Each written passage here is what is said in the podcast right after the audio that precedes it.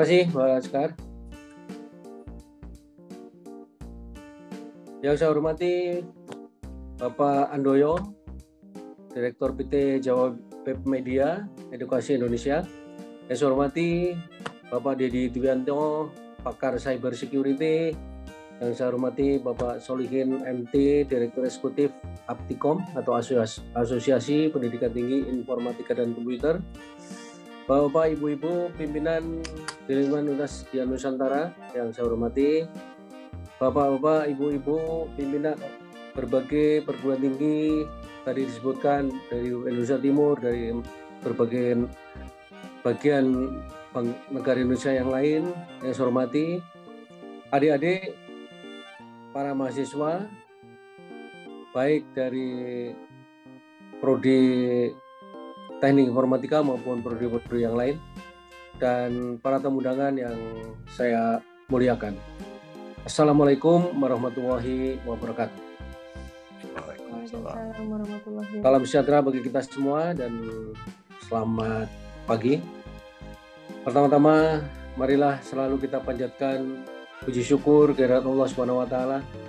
Tentu atas rahmat dan hidayahnya kita semua pada pagi hari ini di tengah-tengah pandemi COVID masih diberikan kesehatan dan umur panjang sehingga bersama-sama masih bisa mengikuti kegiatan webinar yang diselenggarakan oleh Prodi Teknik Informatika dengan tema peluang dan tantangan profesi IT di era dan pasca pandemi COVID-19. Bapak Ibu sekalian, ini tema yang saya kira sangat tepat ya untuk disampaikan pada webinar kali ini. Bukan hanya karena penyelenggaranya memang teknik informatika sehingga memang sesuai dengan bidangnya tetapi memang kita sedang mengalami situasi yang mau tidak mau siapa pun harus bisa menguasai IT ini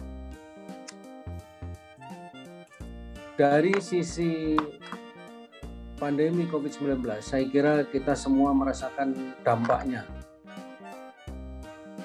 Usaha-usaha yang kita jalankan hampir semua stagnan bahkan merosot. Sehingga minus hasilnya. Itu banyak sekali terjadi banyak yang gulung tikar. Tidak bisa meneruskan usahanya. Di satu sisi ya baik perusahaan besar maupun kecil semua menerima dampak dari pandemi COVID-19 yang sampai saat ini bahkan semakin merajalela di negeri kita. Dan Indonesia dikenal sebagai negara yang terburuk di dalam menghadapi dampak COVID-19 ini. Baik terburuk dalam arti penularan tiap harinya maupun tingkat kematian yang semakin meningkat dari hari ke hari. Kita setiap hari menerima kabar teman-teman baik kita, saudara-saudara kita, sahabat-sahabat kita, satu persatu mendahului kita dipanggil Allah Subhanahu wa taala. Oleh karena itu kita harus bersyukur bahwa sampai saat ini kita masih dilindungi oleh Allah Subhanahu wa taala untuk tetap sehat dan bisa berkarya di tengah-tengah pandemi yang luar biasa ini. Dengan pandemi ini, dari sisi positifnya adalah pemanfaatan IT menjadi semakin besar, meluas, dan orang-orang yang tadinya tidak paham IT mau tidak mau harus kemudian belajar IT untuk bisa meneruskan berbagai kegiatannya. Dan sebenarnya sebelum masa pandemi pun ada, peran IT di seluruh dunia sangat mendominasi. Dan saya kira perkembangan ilmu pengetahuan dan teknologi itu didominasi oleh perkembangan IT. IT yang dipro, dipelopori tahun 70-an, 80-an oleh Bill Gates dengan Microsoft, Microsoftnya kemudian berkembang ke macam-macam. Kemudian berbagai kegiatan semuanya berlandaskan IT yang bisa cepat sekali berkembang ya. Kita tahu Amazon besok begitu berkembang luar biasa sehingga Jeff Bezos yang memiliki Amazon bisa kemudian menyaingi Bill Gates sebagai orang terkaya di dunia dan banyak sekali orang-orang terkaya di dunia bahkan di Indonesia yang kemudian berkembang begitu cepat mengalahkan figur-figur yang mengembangkan usaha-usaha tradisional. Seperti Mas Menteri Nadiem Makarim ya. Tidak mungkin Mas Nadiem jadi menteri kalau dia tidak kemudian menggeluti IT melalui Gojeknya dan Gojek berkembang luar biasa. Dan kebetulan Presiden Pak Jokowi juga menggandrungi tentang pengembangan IT ini, sehingga Mas Nadiem yang masih sangat muda itu dipercaya untuk menjadi Menteri Pendidikan, Kebudayaan, dan bahkan sekarang ditambah Ristek itu riset dan teknologi itu semua di bawah Mas Nadiem, walaupun sebentar lagi dia akan mendapatkan wakil menteri ya supaya tidak terlalu berat memang ya. Kemudian berkembangnya Bukalapak, Tokopedia, Lazada, kita bisa itu semua bisa cepat berkembang karena pemanfaatan IT. Jadi pada masa era pandemi sekarang ini, profesi IT betul-betul sangat menjanjikan sehingga berbahagialah yang sudah memilih prodi teknik informatika. Karena insya Allah masa depan Anda, walaupun setelah pandemi pun, itu IT sudah tidak bisa diragukan lagi menjadi tumpuan harapan masa depan seluruh bangsa di dunia. Sekarang RRC, bagaimana dia berkembang begitu cepat, begitu luar biasa karena pemanfaatan IT. Jadi siapa pun yang bisa memanfaatkan perkembangan teknologi khususnya di bidang IT itu yang akan menjadi negara-negara yang uh, mencapai kemakmuran lebih baik dibandingkan yang tidak memanfaatkan IT. Dan pasca pandemi COVID-19 ini yakin betul kita bahwa IT tetap akan menjadi uh, motor penggerak dari perkembangan usaha di berbagai bidang yang akan menjadi lokomotif berjalannya ekonomi menjadi lebih cepat lagi. Jadi tanpa kita menguasai IT, maka kita akan semakin ketinggalan. Oleh karena itu, saya sangat menyambut baik pada webinar kali ini temanya peluang dan tantangan profesi IT di era dan pasca pandemi COVID-19 yang menghadirkan pakar-pakar di bidangnya. Terima kasih Mas Sandoyo. Terima kasih Mas Dedi Duyanto dan terima kasih Mas Solokin yang telah meluangkan waktunya untuk mengisi kegiatan sebagai narasumber di dalam webinar kali ini. Insya Allah ada betul-betul bersodakoh di bidang ilmu ya. Memberikan manfaat dari ilmu yang anda kuasai untuk masyarakat yang banyak ya. Yang sebenarnya pendaftarnya kemarin sudah 600-an sekarang sudah hadir 323 orang yang akan menyimak apa yang nanti akan disampaikan oleh ketiga narasumber tadi. Dan ini narasumber ini juga kelihatan tampangnya muda-muda ya. Masih imut-imut semua ya. Yang rektornya yang amit-amit ya. Tetapi yang penting narasumbernya imut-imut semua. Dan mereka bisa mencapai tahapan seperti sekarang ini dalam usia yang sangat muda karena beliau-beliau ini menguasai IT jadi ini contoh-contoh konkret yang bisa kita lihat. Betapa peran profesi IT di masa lalu, masa kini, masa depan ini terus menjanjikan. Saya tidak ingin berpanjang lebar karena yang paling penting adalah mendengarkan para narasumber. Jadi saya akhiri sambutan saya dengan sekali lagi terima kasih yang sebesar-besarnya kepada ketiga narasumber dan terima kasih kepada teman-teman pimpinan Universitas di Nusantara maupun pimpinan perguruan tinggi yang tersebar di seluruh tanah air yang hadir mengikuti kegiatan ini. dan terutama kepada para mahasiswa yang masa depan Anda itu sangat ditentukan bagaimana Anda bisa menguasai IT ini. Ya, tanpa Anda menguasai IT itu MDS masa depan suram.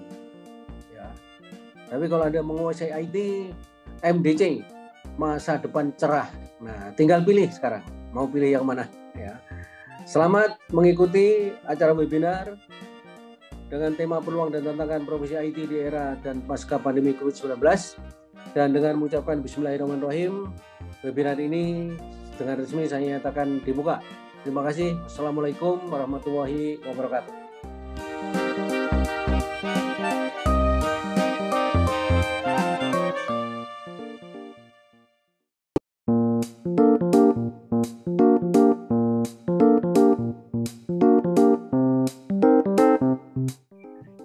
Biodata singkat dari Pak Andoyo.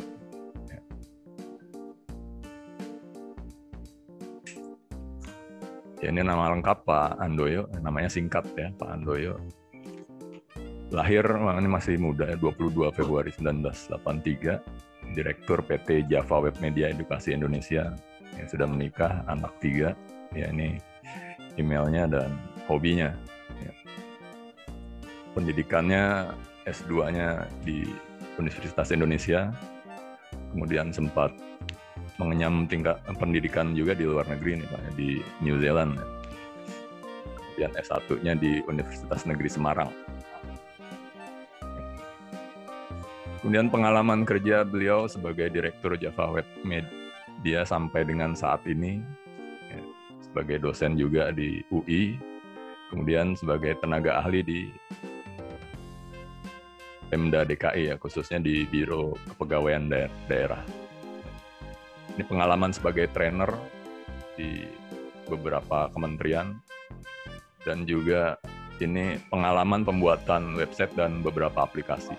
Ya kalau kita lihat di sini aplikasi yang dibuat oleh Pak Ando ya bukan aplikasi main-main ya karena bank-bank besar itu aplikasinya beberapa aplikasinya dibuat oleh Pak Andoyo ya. Di sini misalnya di Bank Mandiri pengembangan aplikasi berbasis website untuk pelelangan. Ya, kemudian Bank Mega pengembangan aplikasi HRD. Jadi memang Pak Andoyo kompetensinya sudah tidak diragukan lagi ya dengan latar belakang pendidikan dan pengalaman serta karya-karya yang sudah dihasilkan di sini. Nah ini tambahan lagi ya beberapa aplikasi yang sudah dibuat Pak Andoyo. Nah, nah itu tadi sekedar pengenalan singkat dari saya tentang Pak Andoyo selaku narasumber yang pertama. Ya. Mungkin Pak Andoyo siap dimulai Pak ya. Saya akan kasih. Insya Allah siap. Ya. Ini saya berikan. Ya silahkan di share materinya Pak. Bisa di supaya lebih mudah eh, hak aksesnya sudah diberikan oleh operatornya.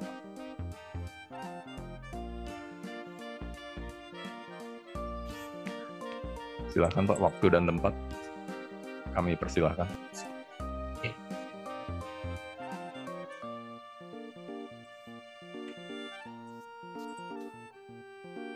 Sebentar mohon maaf benar. Ada gangguan teknis oke baik. Assalamualaikum warahmatullahi wabarakatuh. Waalaikumsalam warahmatullahi wabarakatuh. Terima kasih kesempatan yang diberikan oleh uh, kampus Undira. Dan saya ucapkan terima kasih juga kepada Bapak Rektor Bapak Haryadi, kemudian Pak Dedi, Pak Solehin, kemudian juga Pak Henry yang sudah meluangkan waktu untuk mengundang saya untuk berbicara di depan forum ini. Mudah-mudahan menjadi manfaat bersama. Baik, mohon izin share screen ya. Sebentar.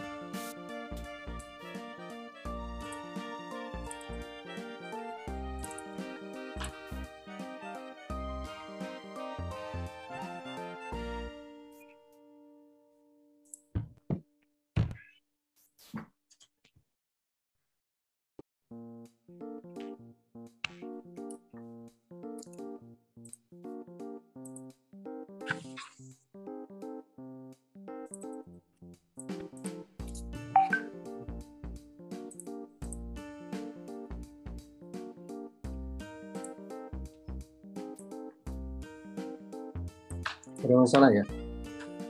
Oh iya, bentar. Apakah udah tampil ya? Belum ya? Ya, ya, sedang sedang berputar.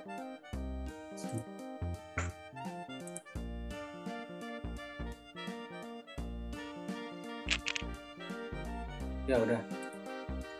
Oke, baik. Oke, kali ini saya diberi kesempatan untuk apa berbicara secara umum tentang peluang dan tantangan profesi IT ya di era pandemi ataupun sesudahnya nanti karena sepertinya uh, tren ke depan juga nggak akan banyak berubah dibandingkan dengan masa pandemi saat ini ya. Maksudnya untuk beberapa tahun ke depan ya. Karena pandemi ini kelihatannya juga akan agak panjang ya. Oke, baik, saya mulai. Jadi seperti Bapak Ibu dan teman-teman semua ketahui bahwa apa namanya grafik pandemi saat ini yang terkonfirmasi positif di Indonesia uh, masih sekarang udah alhamdulillah udah menurun ya kemarin sempat naik tinggi dan memang itu apa akan berdampak sangat besar terhadap kehidupan kita sejak tahun lalu dari Maret itu karena perusahaan saya juga terkena dampaknya lumayan. Nah, dari grafik-grafik yang sudah ada tentu Bapak Ibu bisa apa namanya bisa membaca lah data yang ada ya. Nah, ada beberapa hal yang berubah pada saat pandemi terjadi ya. Dan kemudian banyak juga hal-hal yang dipengaruhi karena pandemi yang ada ya. Termasuk apa namanya bisnis-bisnis uh, sekolah-sekolah dan sebagainya. Nah, apa saja yang dipengaruhi? Kita bisa lihat mulai dari uh, pola mengakses layanan kesehatan. Jadi yang utama yang berubah adalah perubahan gaya hidup. Jadi kalau dulu orang sukanya kegiatan offline, kalau sekarang mulai banyak menghindari offline ya. Terus pola berinteraksi dan komunikasi juga berubah. Kita mesti jaga jarak dan sebagainya. Kemudian pola makan kita bisa lihat sekarang apa tren GoFood ya belanja online, shopping dan sebagainya itu juga sudah beralih ke online. Kemudian yang paling terasa di teman-teman semua, entah mahasiswa, entah dosen, entah guru, rata-rata juga mengalami yang namanya pembelajaran jarak jauh atau distance learning.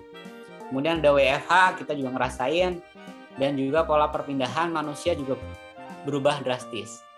Kemudian dari sisi teknologi banyak juga banyak sekali ya, mulai pemasaran produk juga sekarang mulai trennya berubah Nah, di sinilah perubahan pola dan gaya hidup tadi sebagian besar ternyata dilayani oleh teknologi informasi. Jadi artinya hampir seluruh perubahan gaya hidup tadi itu ternyata dihandle oleh teknologi informasi. Mulai dari kita belanja, kemudian sampai kita memesan kendaraan pun menggunakan Gojek itu juga menggunakan teknologi informasi. Artinya di sini akan ada peluang yang sangat besar ya nantinya. Kemudian teknologi informasi juga digunakan secara masif di dalam uh, mencari solusi atau mengembangkan solusi untuk penyelesaian bencana COVID ini atau pandemi COVID ini. Nah, ada beberapa pengalaman juga di perusahaan kami menghandle beberapa website yang menginput data COVID ya. Nah, ini memang salah satunya. Jadi uh, IT ini sangat bermanfaat sekali di masa pandemi sekarang ini. Jadi teman-teman yang kuliah di IT jangan apa jangan lemes ya karena peluang IT di masa depan terutama di masa pandemi ini justru sebenarnya besar sekali. Tetapi nanti ada beberapa hal yang harus disiapkan oleh teman-teman semua pastinya. Jadi kalau di kita jabarkan banyak sekali ya luas banget untuk penggunaan apa teknologi IT selama apa selama pandemi COVID ini, mulai dari apa web base-nya yang tadi saya kembangkan tadi salah satunya, kemudian apa telemedicine, distance learning, kemudian uh, sampai tracing ya.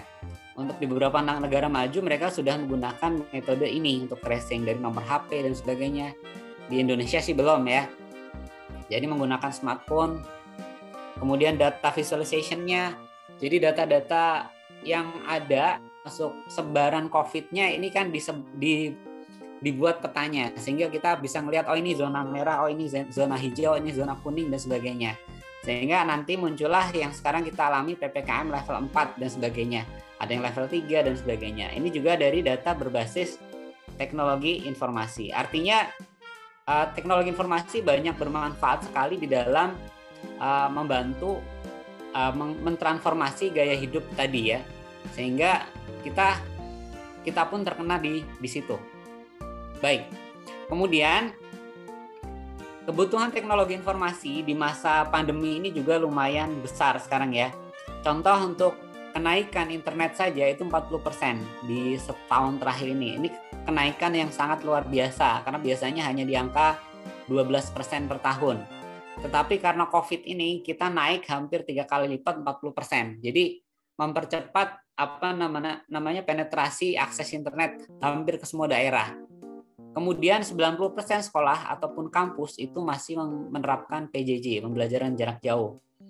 Kemudian 50 perusahaan di Jabodetabek, ini sebenarnya nggak hanya Jabodetabek ya, hampir seluruh Indonesia ya, tetapi yang saya dapat data emang 50% di Jabodetabek itu semuanya hampir semuanya WFH.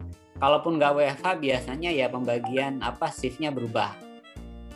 Layanan telemedicine ini juga meningkat 600%. Jadi ini peluang baru di bidang IT nanti yang mungkin teman-teman bisa geluti karena kemarin selama COVID pun perusahaan kami banyak menerima permintaan training untuk penerapan dan pengembangan telemedicine. Jadi uh, mereka mulai shifting juga ke arah telemedicine, mulai dari apa antrian sampai kemudian pemeriksaan menggunakan kamera, web RTC dan sebagainya sampai interviewnya juga menggunakan aplikasi dan masih banyak lagi.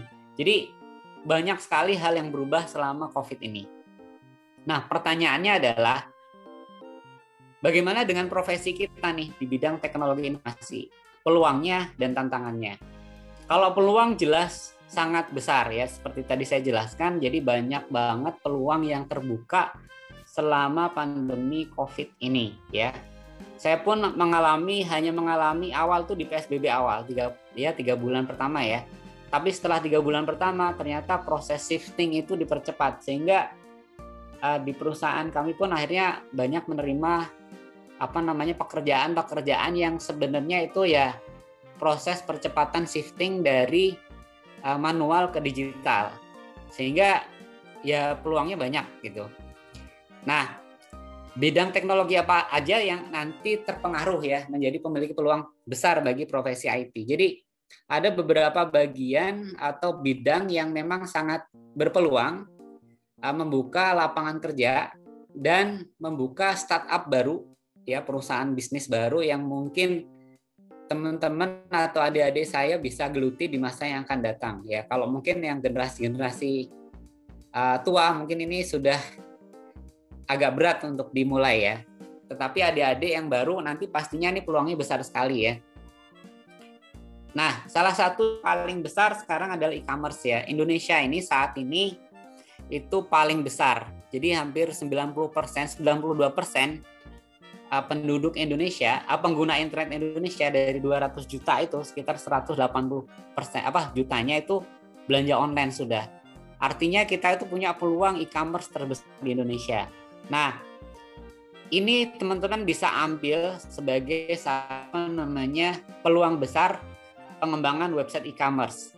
Karena saya pun banyak menerima proyek-proyek e-commerce dari UKM-UKM. Karena kalau menggunakan semacam apa namanya marketplace, mereka kan keuntungannya tergerus di persaingan harga.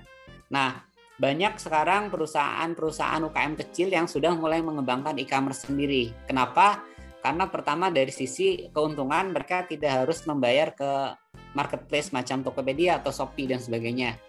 Ya, jadi eh, beberapa perusahaan UKM yang punya dana resource bisa mengembangkan e-commerce sendiri. Jadi saat ini mulai mulai terjadi ya Kemudian, nah pengguna jejaring sosial ini juga meningkat ya. Artinya kita itu 170 jutanya pengguna jejaring sosial aktif banget ya.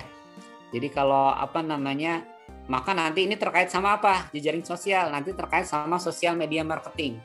Jadi sekarang juga nanti kaitannya apa proses pemasaran itu nanti nggak hanya offline tetapi juga online. Follower banyak bisa dapat duit banyak dan sebagainya.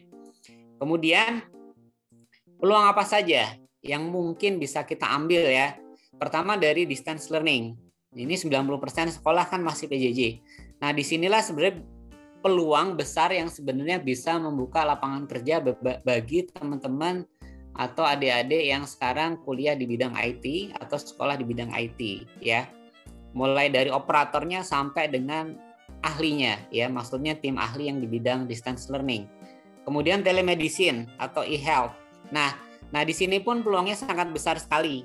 Ya, di awal-awal pandemi kami menerima banyak permintaan training untuk mentransformasi sistem apa namanya kesehatan offline-nya menjadi online. Jadi mulai dari apa namanya membuat janji dengan dokter itu dikembangkan di sini. Sehingga ketika ketemu dengan dokter yang harusnya mungkin kita nunggu dua jam itu cukup 15 menit ya, seperti itu.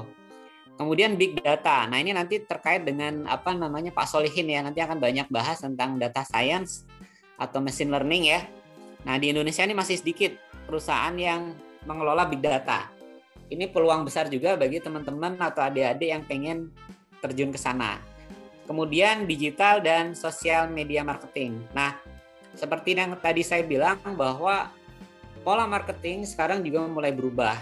Jadi spending atau pembelanjaan duit kita untuk digital marketing itu sangat besar uh, UKM UKM saja itu mereka hampir kebanyakan spending paling enggak UKM yang sudah melek digital ya itu rata-rata hampir 6 jutaan maksudnya yang di klien kami ya di klien Java Web Media itu banyak yang 6 juta antara 3 juta sampai 10 juta per bulan hanya untuk sosial media marketing mulai dari bikin konten di sosial medianya sampai dengan uh, iklan ya beriklan di sosial medianya Nah, kemudian juga peluang e-commerce. Nah, di sini e-commerce itu kita apa namanya? Ini juga UKM juga udah mulai melek ya. Kenapa? Uh, nanti ke depan akan banyak e-commerce e-commerce yang muncul tetapi atas nama UKM itu sendiri. Kenapa? Karena di marketplace memang sangat mudah mencari tetapi bagi UKM itu sangat merugikan karena mereka harus berbagi keuntungan dengan marketplace tadi ya jadi misalnya kita jual barang 10.000 bisa aja nanti marketplace ngambil dari kita 2.000 misalnya seperti itu jadi peluang pengembangan website e-commerce untuk UKM pun sekarang besar ya. Teman-teman yang mungkin sekarang sedang belajar web bisa coba ambil peluang ini ya. Kemudian jaringan dan pendukungnya. Jadi meningkatnya pengguna internet pastinya membutuhkan apa infrastruktur yang cukup besar ya. Tadi kenaikannya kan 40% ya, kita bisa bayangkan jaringannya seberapa besar seperti itu. Kemudian cyber security. Nah, selama pandemi ini mungkin Pak Dedi nanti akan banyak bahas ya tentang serangan cyber. Itu 190 juta serangan cyber selama pandemi. Ini lima kali lipat dari tahun-tahun sebelumnya. Kenapa terjadi? Karena memang proses shifting dari transaksinya itu tadi. Jadi proses gaya hidup kita kan berubah ya yang tadinya offline terus banyak online. Maka nanti serangan ke cyber juga banyak ya. Termasuk beberapa klien saya juga ada yang kena gitu. Nah, kemudian peluang jadi software developer ya. Nah, ini banyak banget sekarang permintaan apa namanya software developer. Jadi perusahaan saya kebetulan bergerak di bidang pendidikan ya, pendidikan tetapi untuk persiapan so, apa pengembang software atau software developer. Nah itu hampir tiap bulan ada permintaan, saya pun kadang bingung menjawabnya karena kebanyakan yang dikursuskan itu adalah sudah jadi karyawan ya. Sedangkan yang apa fresh graduate itu yang kursus sedikit. Itu pun kalaupun lulus kebanyakan sudah diminta ya. Jadi teman-teman yang mahasiswa ini juga harus mulai ngupgrade diri karena permintaan software developer saat ini lagi tinggi-tingginya nih. Maka skillnya juga harus upgrade. Jadi nanti nggak hanya ngandelin dari kampus, tetapi juga harus belajar mandiri, bikin portofolio dan sebagainya. Kemudian adalah kreator ya. Nah, konten kreator ini mulai banyak. Ya, teman-teman nanti bisa belajar konten kreator untuk misalkan untuk YouTube, untuk Instagram dan sebagainya. Lalu ada juga startup startup baru. Nah, silahkan nanti mulai apa di handling aja nih startup baru bagi teman-teman yang baru. Sekarang udah mulai banyak pendanaan invest dari apa namanya perusahaan-perusahaan yang mau berinvestasi di pengembangan startup. Kemudian VR dan AR ya, virtual reality ini juga banyak sekarang GIS atau pemetaan ya, data berbasis peta. Nah, ini juga mulai banyak. Hardware juga mulai banyak. Dan masih banyak lagi ya termasuk apa namanya IoT juga ini belum masuk sini. IoT sekarang juga banyak ya. Nah, tantangannya apa? Tantangannya saat ini banyak ya untuk profesi IT terutama untuk teman-teman mahasiswa ya ini apa nanti harus mulai update juga tentang teknologi ya karena sekarang itu banyak banget. Mungkin kalau di kampus kita belajar PHP aja. Terus belajar apa namanya? Android. Tetapi sekarang kan banyak. Ada Golang ada Kotlin ada Swift ada dan sebagainya ya. Dan ini aktif semua. Artinya teknologi ini dipakai semua sekarang ya. Sehingga teman-teman juga harus paling nggak menguasai satu bidang yang cukup baik. Jadi kuasai satu bidang tetapi mendalam ya. Jangan nanti belajar terlalu umum akhirnya malah ketika kita daftar kerja nggak ada apa skill yang sifatnya spesifik ya. Dan banyak lagi ya, mulai dari Gojek, pengembangan teknologi yang baru-baru nih ya, termasuk marketplace itu termasuk ya. Jadi teman-teman punya peluang untuk masuk ke sana juga, misalnya pengen masuk ya. Tetapi ya sama tadi harus punya skill dasar yang mumpuni. Kemudian di bidang distance learning, contoh ya, ini banyak ya, ini saya nggak akan bahas semuanya, karena kalau bahas semua banyak sekali. Pertama adalah banyak sekolah ya yang mereka pun masih gagap dalam penerapan teknologi distance learning. Karena saya juga banyak menerima klien dari sekolah-sekolah yang hanya untuk diajari bagaimana menggunakan Zoom, bagaimana menggunakan Canva. Canva ini untuk desain sederhana ya, pengganti PPT, bagaimana menggunakan Google Meet dan sebagainya. Bagaimana berlangganan Zoom dan sebagainya. Jadi hal-hal yang sifatnya sebenarnya sederhana tetapi karena gagap ya akhirnya bingung. Nah, ini peluang besar ya. Tantangannya di sini. Kemudian 90% aplikasi pendukung distance learning itu masih produk luar. Nah, Indonesia kira-kira apa nanti nih yang kita bisa produksi ya. Mudah-mudahan ke depan ya adik-adik kita nih. Nah, nggak Indonesia mengembangkan platform distance learning sendiri? Sangat mungkin, ya tetapi mungkin investasinya besar, ya. Nah peran kampus apa? Nah ini nanti kita jadi pertanyaan ya ke depan. Kenapa? Karena uh, peran kampus ini harusnya nanti satu saat harus lebih besar dari yang sekarang. Kemudian dari telemedicine. Jadi dari pengalaman kemarin di Java Web Media itu kita masih banyak kekurangan apa namanya uh, pendukung untuk melakukan pemeriksaan fisik pasien atau anamnesa dan sebagainya ya. Jadi uh, fitur kamera dan sebagainya di pengembangan aplikasi ini masih kita masih kekurangan pendukung sama sekali ya. Jadi masih susah. Oke, kemudian banyak ya intinya kalau kita mau apa mau cari lagi itu banyak. Kemudian software developer. Nah, ini yang paling umum di level kita ya saat ini. Jadi saya tuh banyak menerima keluhan dari perusahaan-perusahaan. Ya, pertama adalah jadi banyak mahasiswa tidak memiliki keahlian spesifik ketika lulus. Jadi maksudnya mahasiswa IT utamanya itu ketika lulus keahliannya masih sifatnya umum banget. Jadi kalaupun mau disuruh kerja belum siap, ya. Nah, Bagaimana nanti triknya? Jadi seharusnya nanti teman-teman mahasiswa itu harus belajar secara mandiri selain dari kampus juga harus ngupgrade dirinya sendiri dengan menggunakan fasilitas yang ada di kampus. Ya, bisa nanya ke dosennya, tetapi kuasai satu skill yang sifatnya spesifik sehingga teman-teman ketika lulus itu punya keahlian tertentu. Jadi nggak umum gitu. Kemudian lulusan kampus itu rata-rata memang saat ini belum siap kerja di bidang IT ya. Namun minta gaji tinggi. Nah, ini yang realitas saat ini ya. Sehingga kadang-kadang ya agak repot juga ya. Ini yang dialami ya, realita di lapangan seperti itu. Nah, teman-teman boleh minta gaji tinggi tetapi punya skill yang spesifik. Jadi misalnya perusahaan butuh Node.js.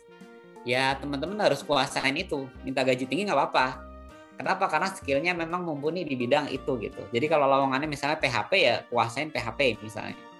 Nah, saat ini kebanyakan software developer mendapatkan skillnya bukan dari kampus. Jadi kampus kebanyakan sifatnya umum ya. Nah, dari sisanya pendidikan non formal, misalnya ikut bootcamp dan sebagainya. Mungkin kampus satu saat bisa mengembangkan bootcamp.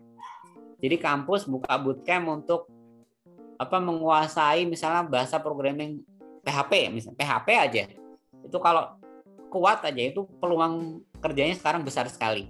Karena saat ini kebanyakan bootcamp programming itu dilaksanakan oleh swasta, ya. Nah, coba kalau kampus mulai melaksanakan seperti itu. Nah, nanti pasti begitu mahasiswanya lulus, insya Allah siap kerja, ya. Karena bootcamp itu biasanya yang ngajar adalah profesional-profesional di bidangnya. Misalnya kalau Pak Dedi security, nah adain boot, bootcamp security misalnya. Dua minggu kah atau satu minggu kah? Nah, atau bahkan tiga bulan misalnya. Sehingga begitu mahasiswa lulus, punya keahlian security yang mungkin bisa disertifikasi sekaligus. Nah, itu kan gajinya pasti beda dengan apa gaji UMR. Kenapa? Karena mereka punya certified bahwa mereka menguasai satu bidang yang spesifik. Nah, ini peran kampus nanti silahkan dikembangkan lagi ya. Dan banyak tantangan spesifik lainnya di bidang profesi IT ya. Jadi tantangan-tantangan umum saat ini memang masih di untuk kampus ya. Jadi skill fresh graduate itu saat ini masih belum spesifik. Nah, artinya gini, kalau di bidang IT maka teman-teman nanti di kampus, karena saya juga kebetulan ngajar di kampus ya, meskipun saat ini ngajarnya di non IT ya, tetapi dulu ngajar di IT. Nah, coba diarahkan mahasiswanya menguasai satu bidang khusus yang mereka begitu lulus siap ready siap kerja seperti itu bahkan sampai ada beberapa apa namanya mahasiswa dan sekaligus developer uh, apa namanya uh, mengeluh terkait hal ini. Nah maka nanti peran-peran dari dosen gimana? Kalau misalnya dosennya nggak menguasai, bisa mengundang dari tim-tim perusahaan. Ya biasanya mereka mau kok untuk apa namanya mengajar bahkan sampai gratis pun banyak yang mau, ya karena sifatnya apa namanya kayak CSR semacam itu. Jadi adain bootcamp nanti misalnya bootcamp di kampus ya untuk mengejar ketertinggalan mahasiswa ya pastinya. Oke, kemudian saat ini lulusan IT Indonesia mengecewakan. Jadi tidak siap kerja nih, ini Kresna Galuh ya. Jadi nanti silahkan mulai uh, pengembangan. Kemudian memang pada saat ini masalahnya banyak kan di kurikulum ya. Memang di di kurikulum di kampus IT Indonesia saat ini belum ter, belum spesifik, masih terlalu umum. Nah ini nanti mungkin silahkan dipikirkan dari kampus, ya. Termasuk kita dari industri, insya Allah siap. Pak Dedi pun dari sebagai pakar security siap juga, insya Allah bantu. Gitu. Oke. Jadi saran saya mahasiswa dan kampus nanti bersama-sama belajar menguasai salah satu keahlian tertentu, tapi yang mendalam ya. Jadi jangan sampai nanti dari kampus di kampus oke okay, belajar umum tetapi begitu mereka menjelang lulus coba diarahkan pada satu skill tertentu satu skill set tertentu yang mereka benar-benar menguasai. Dan kalau bisa bahkan menerima project real. Sehingga begitu selesai mereka ketika ngelamar kerja mereka punya portofolio pekerjaan. Sehingga portofolionya nggak kosong. Karena biasanya perusahaan yang berperut teman-teman IT itu biasanya menanyakan udah punya portofolio belum? Dan seterusnya Oke. Okay. Maaf Pak Andoyo mohon izin tiga menit lagi Pak. Ya siap, ini udah selesai. Oke, okay. nah sekarang apa peran yang akan kita ambil dalam memajukan profesi IT Indonesia? Nah itu mungkin pertanyaan bagi kita semua. Oke okay, baik, terima kasih uh, Pak Dedi dan kawan-kawan semuanya. Mudah-mudahan ada manfaatnya. Assalamualaikum warahmatullahi wabarakatuh.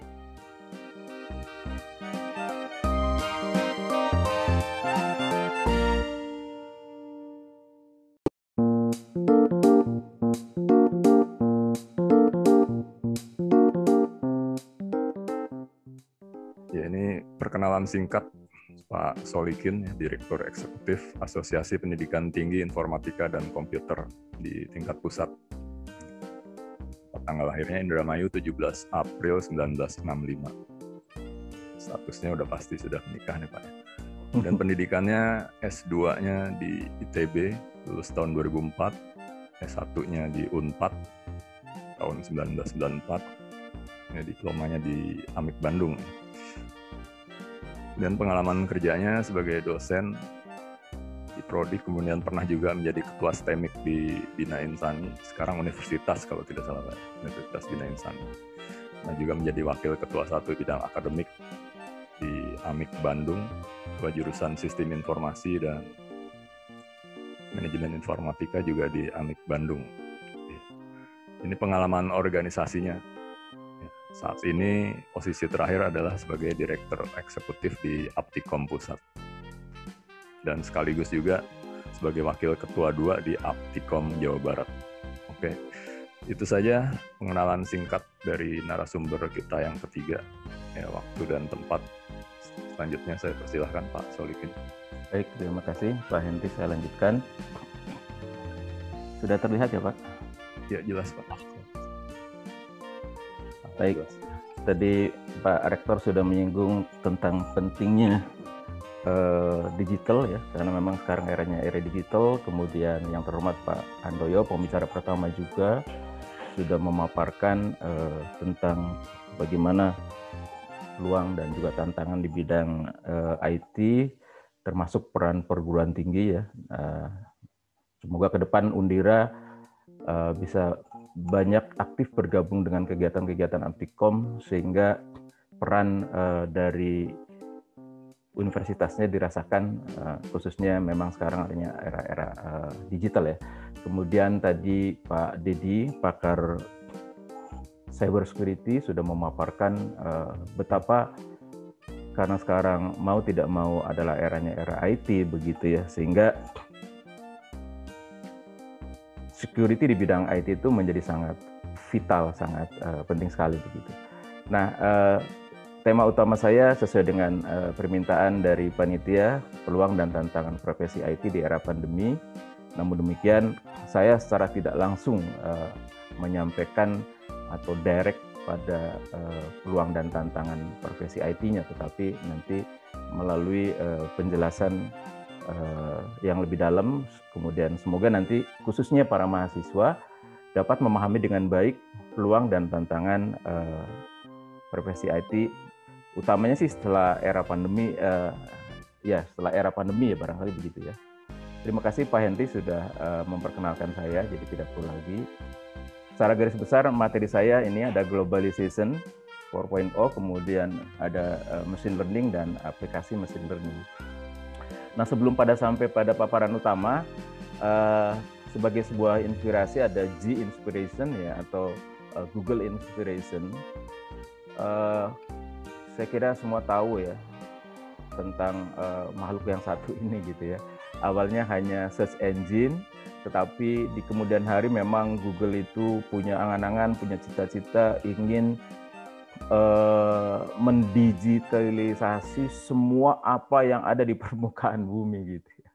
Jadi awalnya perpustakaan di MIT itu seluruhnya didigitalisasi, kemudian saya kira sekarang uh, kita semua tahu ya kita mau bertanya apa pun pasti data datanya ke Google. Dan awalnya Google itu kan yang sekedar search engine ya. Tetapi untuk kemudian uh, tumbuh dan berkembang begitu banyak aplikasi-aplikasi di Google jadi ini juga saya kira uh, menjadi tren ya kalau kita mengembangkan uh, misalkan digital startup mulai dari kecil fokus tetapi setelah kita dapat berkembang ya begitupun dengan aplikasi-aplikasi pesanan uh, di kita mulainya hanya pesan untuk uh, ojek, kemudian pesan mobil, pesan makanan, pesan uh, pedikur, medikur dan sebagainya gitu ya.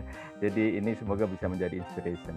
Nah kemudian uh, dengan adanya uh, pandemi akan memunculkan satu era namanya new, new normal katanya ya. Kemudian muncul satu uh, apa mega shift ya, empat mega shift. Jadi dengan adanya pandemi ini uh, orang menjadi stay at home, menjadi lifestyle, gaya hidup baru di rumah, working, living, planning, eh, playing, mohon maaf ya, di rumah karena adanya social uh, distancing.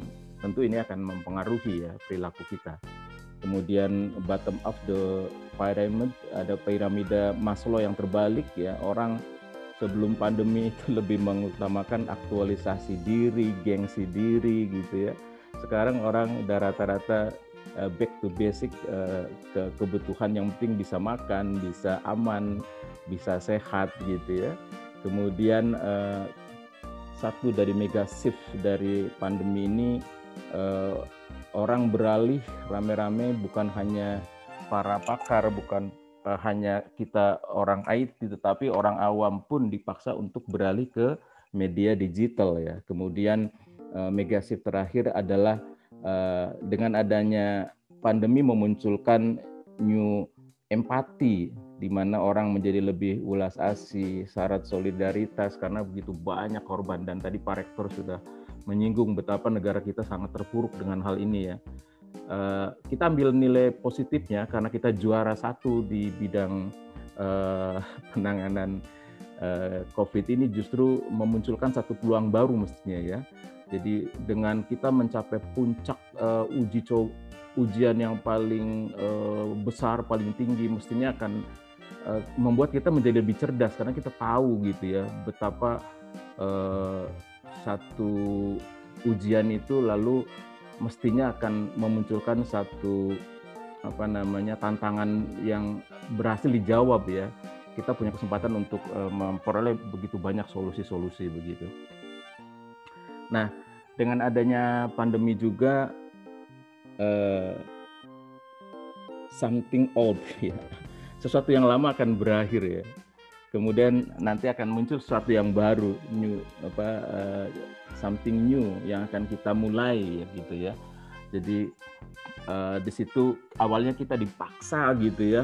Awalnya Daniel nolak-nolak.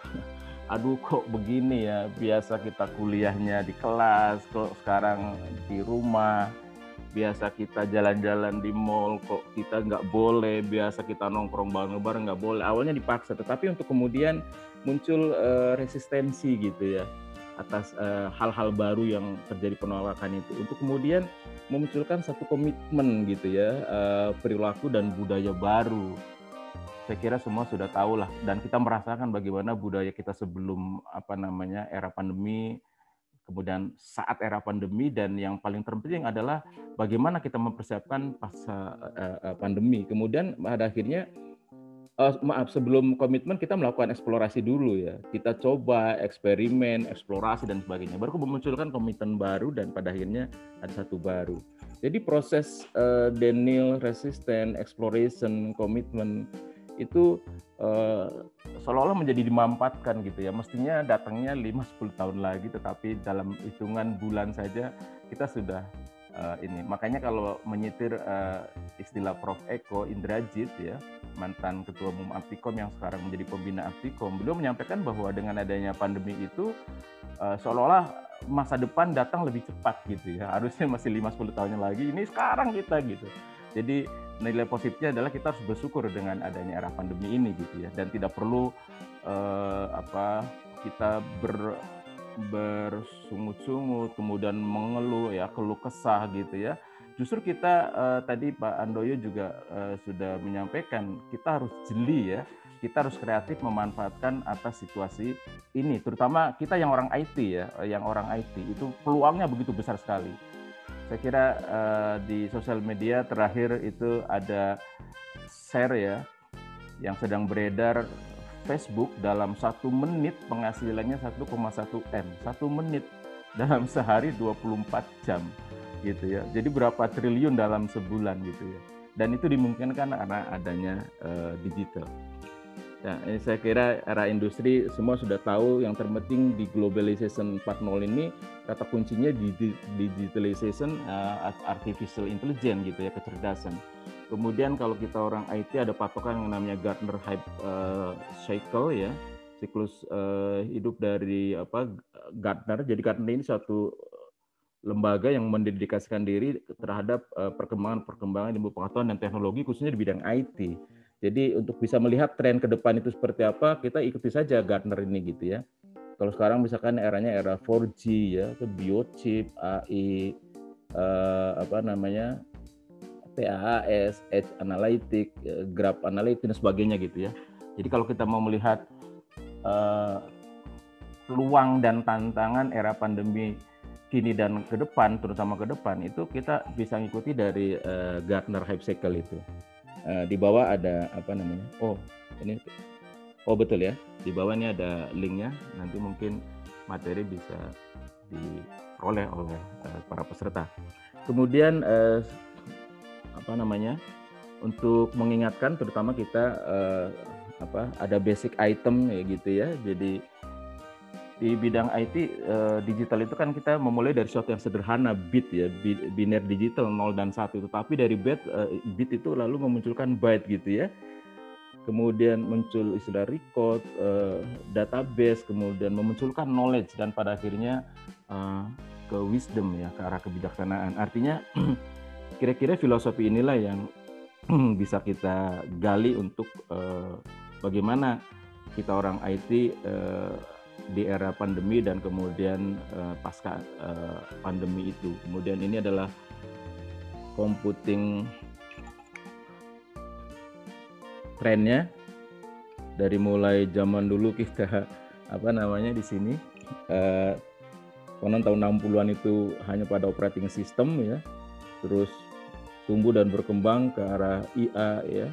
Eh, integrated application AI artificial intelligence kemudian instrumen intelijen kemudian eh, tutoring intelijen dan pada akhirnya nanti akan dicapai apa yang disebut sebagai KIT atau Knowledge uh, Information Technology gitu ya. Jadi pada knowledge-nya. Nah, pada kesempatan ini saya sedikit ingin uh, menyampaikan tentang machine learning ya karena uh, khususnya webinar ini kan digelar oleh uh, Informatika Undira dan uh, harapannya tentu selain juga terbuka untuk umum khusus untuk mahasiswa Undira yang informatika eh, harus bisa memahami juga tentang bagaimana konsep eh, dari machine learning gitu ya. Tentu untuk semuanya, cuma saya lebih berikan penekanan pada mahasiswa eh, Undira gitu ya. Kenapa machine learning? Karena era sekarang itu eh, manusia bicara tidak hanya sama manusia ya. Uh, man to man tetapi juga sudah mulai man to machine ya. Manusia bicara dengan mesin dan yang ujung adalah otomatisasi itu akan begitu cerdas munculnya M to M tapi mesin to mesin jadi mesin sesama mesin itu bicara gitu ya. Muncullah satu uh, teknologi atau tools atau alat-alat yang uh, menjadi cerdas seperti manusia dan kecerdasan itu basicnya salah satunya adalah dari konsep machine learning yaitu adanya uh, algoritma ya, kemudian ada model, kemudian diproses, ada prediction dan sebagainya. Nah, sepintas machine learning itu ada yang unsupervised learning yang uh, pembelajarannya tidak terbimbing, ada yang pembelajarannya terbimbing dan ada yang reinforcement learning. Ini adalah uh, area dari machine learning ya dari mulai deep learning, Bayesian, decision tree, dimen uh, signality reduction, instant base, clustering, regression, rule system, uh, regulation, assemble, ya, neural network gitu. Jadi begitu banyak uh, kita sebagai orang IT yang yang harus kita pelajari agar uh, kita punya kemampuan uh, bisa eksis di era pandemi dan bisa memperoleh manfaat atau keuntungan sebesar-besarnya setelah era pandemi ini gitu ya. Saran saya salah satunya adalah kuasai teknologi dari bagaimana mesin itu bicara dengan sesama mesin begitu ya sehingga mesin menjadi cerdas gitu ya melalui mesin learning. Ini adalah beberapa aplikasi mesin learning bisa diaplikasikan untuk image and speech recognition ya. Itu sebabnya sekarang lagi rame kan itu aplikasi apa itu yang orang foto lalu uh, bisa nyanyi. dengan suara gitu. Jadi seolah-olah uh, foto mati bisa menjadi hidup, uh, bibirnya bergerak ya lagi tren sekarang ini kan. Itu image and speech recognition, medical uh, diagnosis tadi Pak Andoyo sudah menyampaikan di era pandemi ini bidang healthy itu begitu masif ya uh, peluangnya. Jadi di tengah banyak orang menjerit mengibarkan bendera putih gitu ya, tetapi banyak juga yang sebetulnya itu mengeruk keuntungan yang sangat luar biasa ya. Zoom misalnya. Wah, di luar biasa ini kekayaan dari Zoom. Setiap menit itu berapa ya? Uang datang sendiri gitu ya.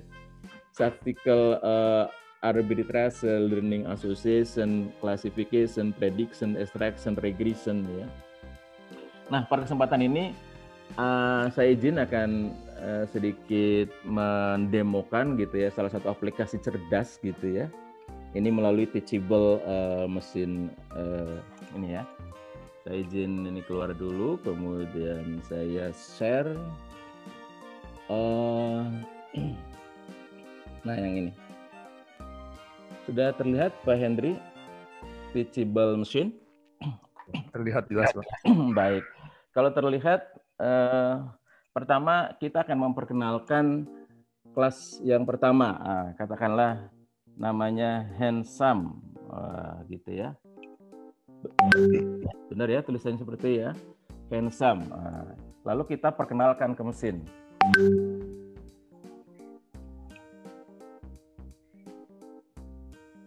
Sorry, kok error? Kita coba ulangi. Kok error lagi? Kenapakah ini?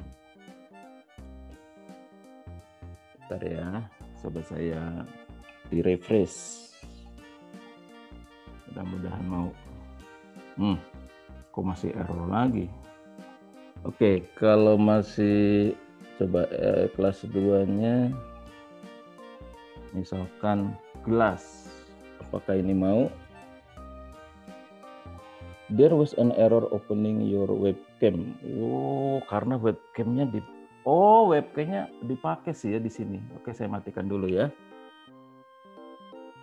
Di ini saya. Nah, ini sekarang sudah mau terlihat ya foto saya Pak Hendri ya. Ya, terlihat Pak. Di uh, kelas hand hand ya, satu. Nah, ini sesuai dengan kelasnya tadi Pak. Sesuai dengan kelasnya ya. Saya mau perkenalkan uh, yang handsome ini gitu ya. Kapan lagi Pak memuji diri sendiri Pak selain pada kesempatan ini. Nah, saya perkenalkan ke mesin. Ada empat foto saya, ada delapan terus terus gitu ya. Tentu ini semakin banyak semakin uh, pinter ya, semakin cerdas gitu. Ini berapa Pak Henry yang sudah tersimpan? 28 ya. Oke, kemudian saya mau memperkenalkan uh, yang kedua ya, gelas ya. Saya harus minggir dulu. Mudah-mudahan. Nah, ini terlihat ya gelasnya ya. Kemudian nanti saya perkenalkan Nah. Oke. Berapa tuh? Uh, Oke, okay, 28 saja lah kira-kira gitu ya.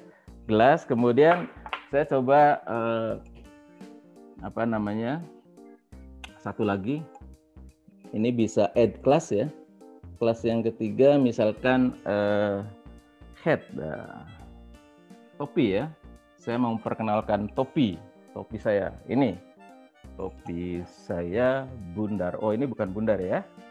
Oke, saya perkenalkan.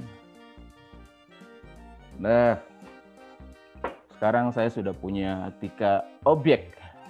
Kemudian kita training model, preparing training data ya, sebentar. Mohon bersabar. Nah, tentu teknologi ini inilah gitu ya. Kalau teman-teman khususnya mahasiswa uh, Undira bisa menguasai teknologi ini gitu ya, maka insya Allah nanti akan uh, bisa bertahan dan bisa memetik banyak manfaat atau keuntungan di era terutama pasca pandemi ya. Nah, ini sudah berhasil pembelajarannya. Oke, Pak Hendy sekarang terlihat itu komputer mengatakan itu siapa?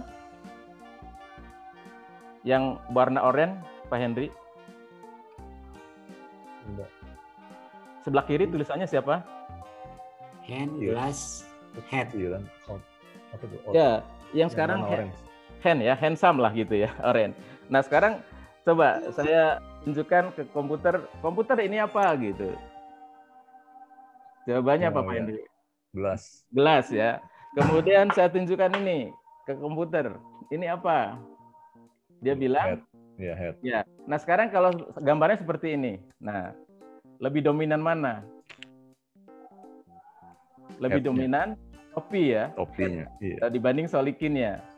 Kalau misalkan seperti ini, nah solikin lebih dominan dibanding topi. Nah, sekarang kalau seperti ini gitu ya. Nah, nah solikinnya menjadi kecil ya yang dominan antara topi sama gelas. Tentu kalau saya seperti ini, ya, Solikin uh, dominan, gelasnya agak dominan, topinya yang kurang dominan. Kalau kejadiannya seperti ini, tentu uh, apa namanya, dia, nah, uh, gelas yang akan dominan gitu ya. Jadi di situ kok bisa ya alat mesin dia tahu gitu ya bahwa sekarang yang nongol itu adalah seorang pria yang handsome gitu ya. Kalau seperti ini, oh kok gelas gitu ya. Kalau seperti ini, otopi gitu ya. Kok menjadi pinter? Kira-kira itulah uh, machine learning ya, yang nanti ke depan membuat kita bisa bertahan. Oke, kemudian uh, saya juga izin mau menyampaikan uh, aplikasi machine learning yang lain untuk pengenalan Terlihat ya Pak Henry ya? Ya, terlihat. Ya. Ini pakai masker. Without mask, tidak pakai. Ini pakai masker gitu ya. Ini pengenalan dari mesin learning. Jadi kalau nanti uh, kita bikin program ya, dan saya kira sekarang di mall-mall sudah banyak ya, di mall-mall sudah banyak. Ini karena itu karena mesin learning ya. Di situ uh, ada ada coding-codingannya. Codingannya pun ini bisa di-download, ya bisa kita ubah ya. Dan ini langkahnya itu pertama adalah data preprocessing ya. Kemudian langkah kedua adalah training ya di convolution neural network. Kemudian langkah ketiga kita detect detecting wajah ya. Eh, baik yang menggunakan maupun yang tidak menggunakan masker. Ini eh, codingan-codingannya ya. Ini di TensorFlow bisa di ini. Nah, ditumpahin lagi deh. Hasilnya seperti ini ya. Kemudian satu lagi, izin Pak Henry. Ini untuk deteksi uh, yang lebih luas ya. Sebentar. Saya cari dulu. Di sini sudah ajan. Bentar. Satu lagi itu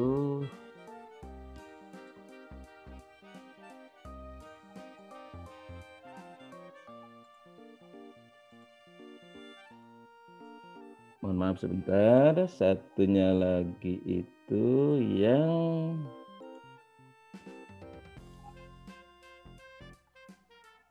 oh ini sudah ketemu. Nah satu laginya ini yang lebih rumit ya. Jadi kalau di terminal orang baru turun dari bus kita akan ngecek gitu ya berapa orang yang pakai masker, berapa orang yang tidak pakai masker, ya itu bisa uh, dengan pendekatan mesin learning juga. Ini juga sama langkahnya ya. Nah ini juga sama nih. Ketika orang mengantri di bank misalnya ya, maka akan ketahuan ya orang yang memakai masker dengan orang yang tidak memakai masker. Yang memakai masker warnanya apa Pak Henry? Ungu ya. Oh, hijau ya, hijau ya. Yang tidak pakai masker warnanya yang pakai ungu kayaknya Pak. Ungu yang pakai ya malah ya. Yang pakai ungu yang pakai. Ya. Yang nggak pakai hijau. Yang nggak pakai hijau ya. Nah jadi inilah, uh, nah ini nih orang brewok ya. ini dia pakai masker gitu, pakai masker. Kemudian dilepas gitu ya. Nah ada persentasenya di situ gitu ya. Karena dia brewok gitu brewoknya itu uh, nah ada 100 ada 80 gitu dia dia di sini seolah-olah pakai masker padahal itu jambang dia gitu. Nah ini seperti ini tadi ya. Jadi bisa di ini presentase dari ininya. Oke saya balik lagi ke PPT saya. Manakah PPT saya? Wih, bukan salah. Mohon maaf sebentar. Tiga menit lagi, Pak. Ya. Sesi tanya jawab di sini, Pak.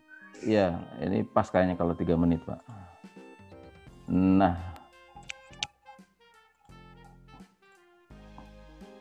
jadi dengan mesin learning eh, apa namanya kita bisa menjadi cerdas ya, dan itu peluang.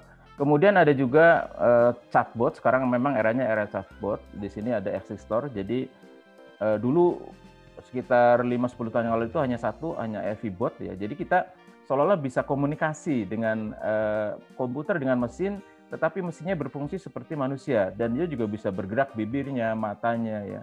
Nah, sekarang sudah ada bot, Boybot ya, kemudian bot dan ada Jimbot. Ini ada linknya nanti bisa di ini. Jadi kita bisa interaksi apakah melalui teks ya, atau melalui uh, suara gitu ya. Nah ini yang tadi, yang aplikasi machine learning untuk deteksi uh, apa namanya muka. Kemudian juga sekarang sudah ada uh, machine learning yang digunakan untuk dokter mendeteksi jantung gitu ya. Itu dengan jarak jauh. Itu juga sama machine learning. Kemudian di sini ada uh, bisnis intelijen. Ini adalah area-area yang bisa di jadikan peluang nanti eh, pengembangan mesin learning di era yang akan datang. Baik, saya kira itu materi saja. Mudah-mudahan waktunya tidak lebih. Terima kasih. Mohon maaf kalau kurang berkenan, saya kembalikan ke Pak Moderator, Pak Henry. Untuk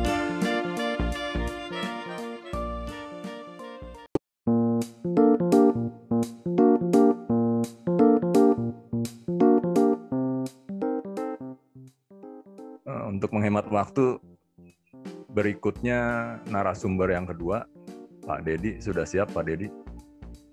Oke, siap. Ya, saya akan perkenalkan dulu Pak Dedi ini. Ya, mohon izin sebentar Pak. Kira-kira 2-3 menit lah saya cepat perkenalannya.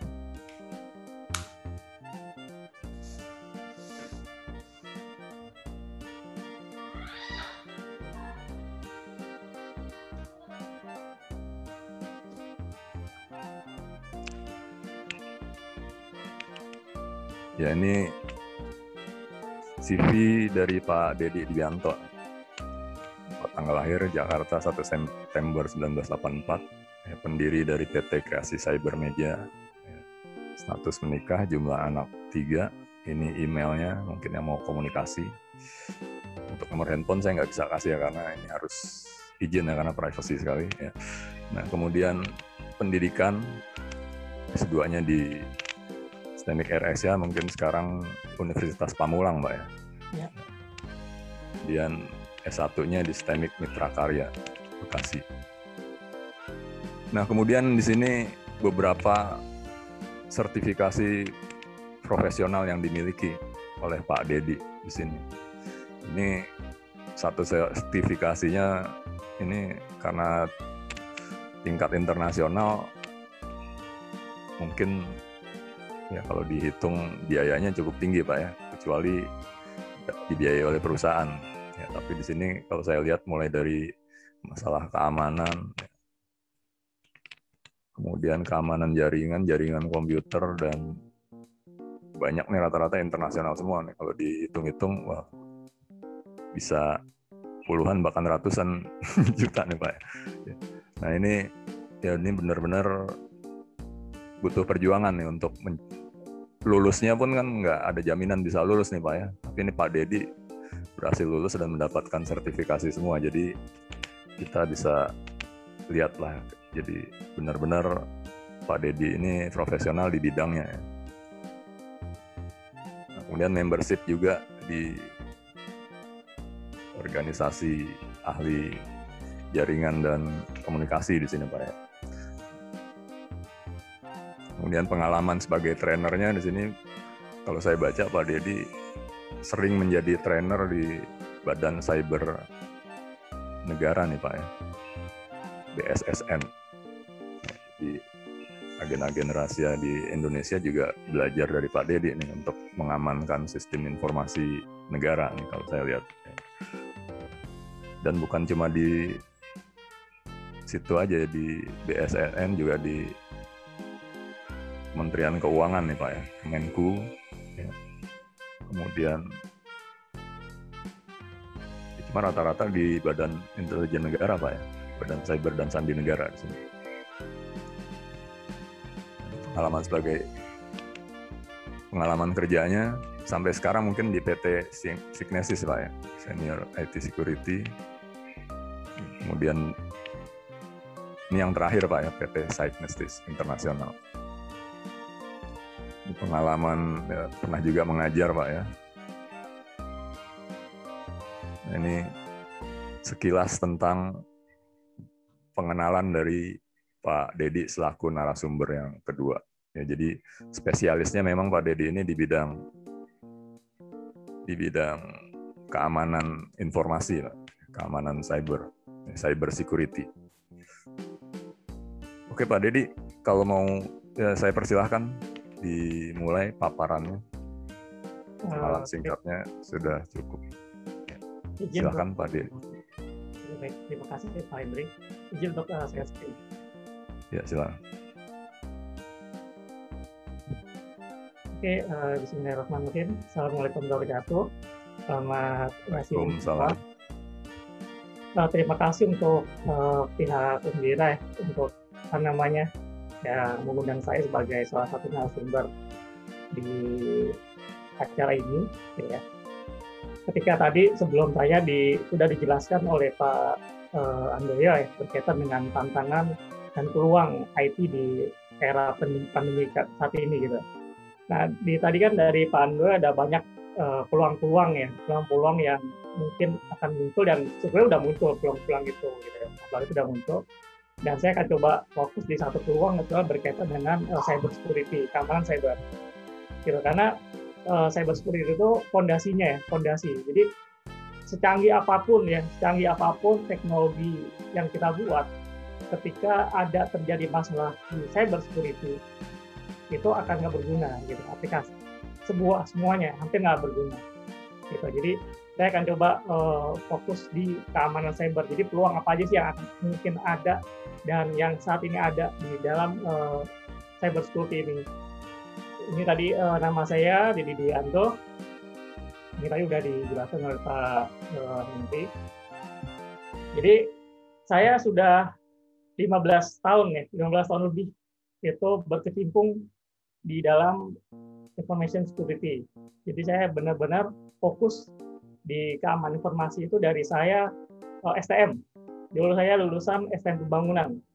Jadi STM pembangunan itu kan dia empat tahun ya. Satu tahun lah satu tahunnya itu uh, kerja di industri. Nah dari situ saya benar-benar uh, fokus di dalam keamanan cyber gitu. Jadi makanya saya udah hampir 15 tahun di uh, dunia cyber konsultan ini. Dan juga tujuh tahun saya uh, fokus di dalam uh, cyber forensic investigator jadi melakukan investigasi terhadap insiden-insiden uh, kejahatan cyber yang berlaku di Indonesia. Begitu juga karena saya juga uh, sering diundang di Baris Mabes Polri untuk membantu mereka untuk menganalisa beberapa uh, apa namanya beberapa kejadian insiden nih, yang ada di Indonesia. Lalu saat ini saya lagi hampir lagi di dalam application security Oke, jadi saya lebih lagi di dalam application security. Tadi kan dijelaskan oleh uh, Pak Andoyo dibutuhkan sekitar 6 ribuan software developer ya. Nah, di situ saya, wah berarti akan ada banyak juga kebutuhan berkaitan dengan application security, keamanan aplikasi. Tidak keamanan aplikasi. Kenapa saya sekarang lebih fokus di dalam uh, application uh, security? Karena tadi aplikasi, karena kebanyakan masalah keamanan itu ada dalam sisi aplikasi untuk teknologi jaringan segala macam itu sudah banyak yang dihandle tapi untuk masalah application security itu sekarang lagi tren dan juga lagi banyak uh, permintaan.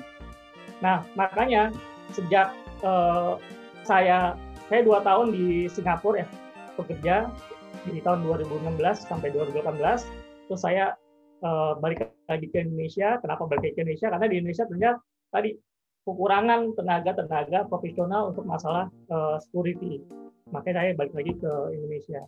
Nah, karena saya udah tadi banyak pengalaman, saya makanya saya di tahun 2020 saya membuat perusahaan sendiri, perusahaan uh, sendiri yaitu karya cyber mandiri. Jadi dia ada banyak aplikasi aplikasi-aplikasi yang uh, kita deploy, framework-framework yang kita deploy, untuk membantu mengamankan dari segi uh, keamanan di sisi corporate gitu. Jadi uh, makanya ini tantangan yang peluang saya ambil adalah mendirikan uh, perusahaan sendiri di tahun 2020 dan ambillah udah beberapa uh, klien yang uh, menggunakan dari uh, karya cyber mandiri ini.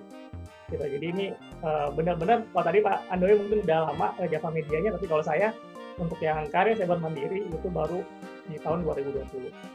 Gitu. Nah ini tadi selain saya karena saya lebih banyak fokus di masalah berkaitan dengan awareness gimana mendeploy uh, berkaitan dengan masalah keamanan. Makanya di sini saya juga uh, sering diundang jadi uh, trainer ya di BCSN, Badan Cyber dan Sandi Negara, terus dulu juga di Cybercrime Mabes Polri, ini di Baris Krimnya, gitu ya, ketika saya udah ada tiga batch ya uh, melatih para reserse penyidik di kepolisian gimana cara melakukan investigasi berkaitan dengan kejahatan cyber. Dan juga di Kominfo juga eh, beberapa pelatihan-pelatihan berkaitan dengan insiden handling segala macam, forensic investigation itu cara melakukan investigasi. Nah itu eh, jadi ini sebenarnya ada ada ada banyak lagi ya perusahaan-perusahaan yang eh, nasional juga eh, internasional ya yang saya diminta untuk melatih gitu untuk berkaitan dengan uh, cyber security. Nah, tadi ketika kita bicara IT sudah banyak ya, ada banyak aspek di IT. Kira ada banyak aspek di IT. Nah, ketika kita tadi bicara uh, aplikasi teknologi informasi, ketika kita bicara teknologi informasi, otomatis teknologi informasi itu akan diakses oleh banyak orang di seluruh dunia dengan ruang berbeda. Di mana diaksesnya? Yaitu ada di, di ruang cyber. Artinya aplikasi teknologi yang eh, rekan-rekan buat, yang rekan-rekan deploy itu akan diakses oleh semua orang.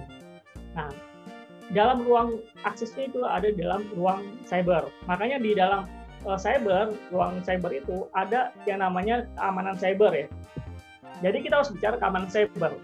Karena ketika kita mendeploy sebuah aplikasi, kita menciptakan sebuah teknologi, kita juga harus bisa harus menyiapkan apa keamanannya. Gitu. Jadi jangan sampai kejadian kebobolan gitu. Kita udah udah membuat aplikasi bagus-bagus ternyata kebobolan. Karena makanya di sini aspek di cyber itu ada aspek keamanan cyber. Dan juga ada aspek ancaman. Gitu. Selain keamanan ada ancaman di cyber. Ada juga kejahatan cyber. Nah, ini yang sekarang tadi makin banyak orang yang beralih ke dunia teknologi informasi, makin banyak uh, bisnis yang mulai uh, bertransformasi ke digital, makin banyak juga kejahatan-kejahatan itu muncul. Kejahatan-kejahatan itu muncul. Gitu ya. Jadi copet di dunia nyata ada, copet di dunia maya juga ada. Di dunia cyber juga ada copetnya.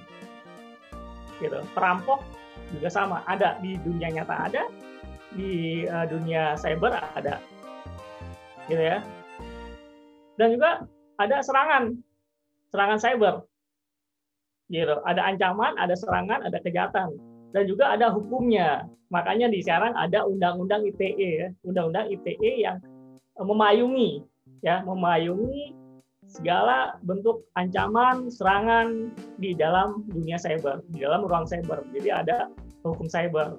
Jadi ada hukum undang-undang pidana yang biasa gitu ya, yang tradisional maupun hukum yang di uh, cyber. Jadi ini, jadi ketika kita bicara teknologi informasi, otomatis kita harus bicara tentang keamanan, ancaman, kejahatan dan juga serangan yang ada di dalam cyber tersebut. Jadi ini Makanya tadi IT aja kita udah di udah disuguhkan oleh Pak ada banyak gitu, ada banyak peluang-peluang di IT. Nah ini saya ambil fokus satu yang sekarang lagi banyak juga dicari adalah berkaitan dengan uh, cyber. Karena gimana cara kita mengamankannya?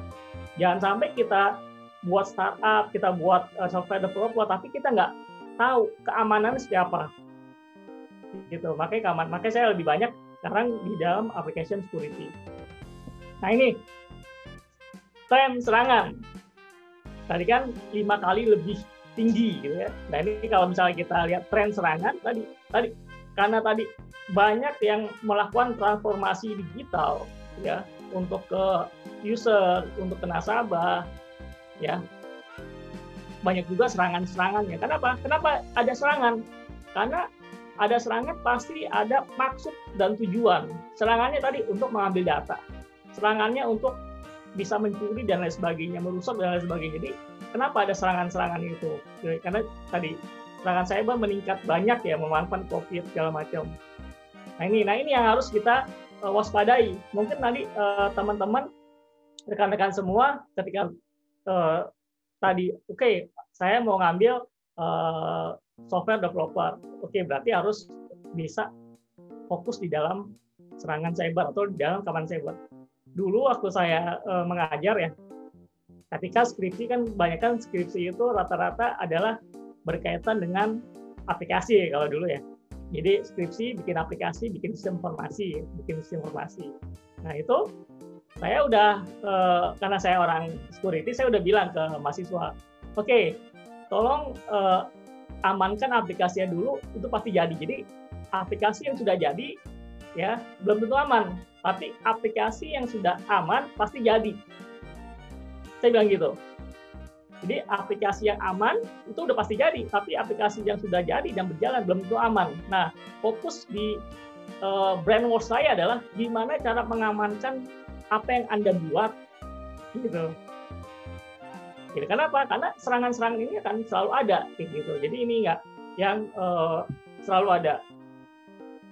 Nah ini yang uh, serangan terbaru, misalnya contoh nih dari ambil dari zone H, tanggal 31 hari ini. Ya, tanggal 31.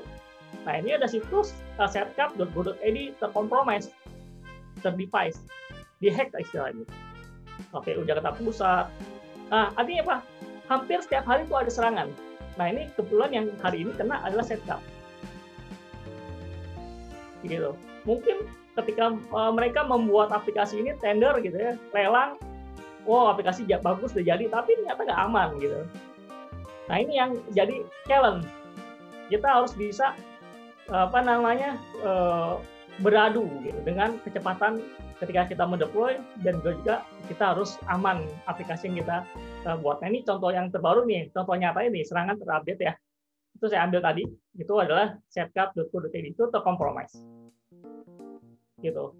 Artinya apa? Artinya yang membuat aplikasi ini dia nggak peduli atau dia nggak uh, mengerti berkaitan dengan keamanan. Nah, ini yang harus ditanami oleh rekan-rekan sekalian ketika membuat aplikasi adalah harus aman pasti jadi. Gitu. Jangan jadi dulu, aman belakangan. Tapi kalau jadi dulu terus kebobolan ya. Nah, ini Nah, ini kebobolan kayak gini. Gitu ya, kebobolan kayak gini. Siapa yang disalahkan? Tokopedia aplikasi bagus, customer banyak. Eh, kebobolan data customernya. 91 juta data. Kebobolan. Apa gunanya gitu? Aplikasi hebat-hebat. Tapi uh, apa namanya? kebobolan data customernya. Ini kan data customer adalah data data main data gitu ya. Main data yang harus dilindungi. Ternyata kebobolan. Ada red door semati credit plus. Gitu. Ini kebocoran kebocoran data. Ini ini ini fakta ya fakta sesuai dengan BSSN ada di tahun 2021 ya dari Januari sampai dengan uh, Juli itu ada 40 ada 27 uh, 24 juta serangan cyber ke Indonesia. 24 juta ya 24 juta serangan. Bisa ke kita bisa ke sistem kita atau ke mana? Yang pasti ini ambillah dari uh, eh, 24 juta itu satu persen aja yang terkompromis ya satu persen. Itu contohnya ini. Gitu sesungguhnya karena saya juga aktif di uh, apa namanya di investigasi di apa namanya di corporate ya di perusahaan uh, swasta itu sebenarnya udah banyak banget. Bank ada yang kena. Tapi mereka nggak publish. Karena kalau sampai terpublish image-nya jelek, nasabah nggak percaya, mereka akan narik semua uangnya, akan terjadi rush.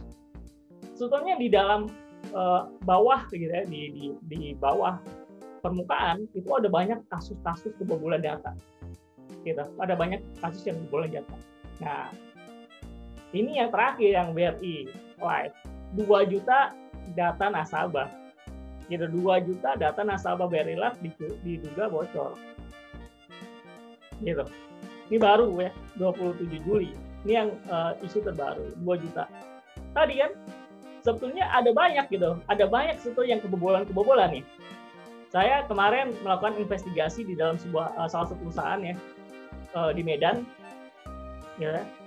itu mereka kena kecurian uang. Uang itu mereka kena sekitar ketika dikalkulasi bisa sampai 15 miliar. Uangnya kebobolan 15 M. Gitu ya, 15 M diinvestigasi ya udah kayak gitu. Ternyata pelakunya kejahatan multinasional.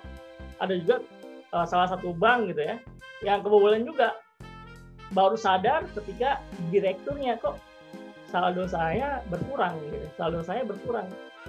Nah, biasanya para uh, penjahat itu ya para penjahat itu dia akan narik kecil-kecil dia nggak nggak berasa gitu. Misalnya contoh lah ini sebenarnya kejadian nyata ya. Jadi ada salah satu uh, bank gitu ya salah satu bank uh, apa namanya kebobolan gitu. Jadi saldo nasabahnya berkurang tapi berkurangnya cuma seribu perak kayak seribu. Tapi seribu itu banyak. Dikali jutaan nasabah. Sebetulnya ketika diinvestigasi ternyata itu kejadiannya sudah dua tahun berlalu dua tahun uh, sudah selama dua tahun gitu baru kejadiannya di tahun 2020 gitu ketika dikalkulasi banyak berapa miliar kerugiannya. Karena dia lalu ada juga uh, payment gateway yang lumayan terkenal juga. Sama. Dia nyewa uh, pinjol tapi pinjolnya itu karena dia masuk dari internal dia seolah-olah dia sudah membayar uh, cicilan padahal dia belum membayar cicilan gitu. Dia pinjam di pinjol A.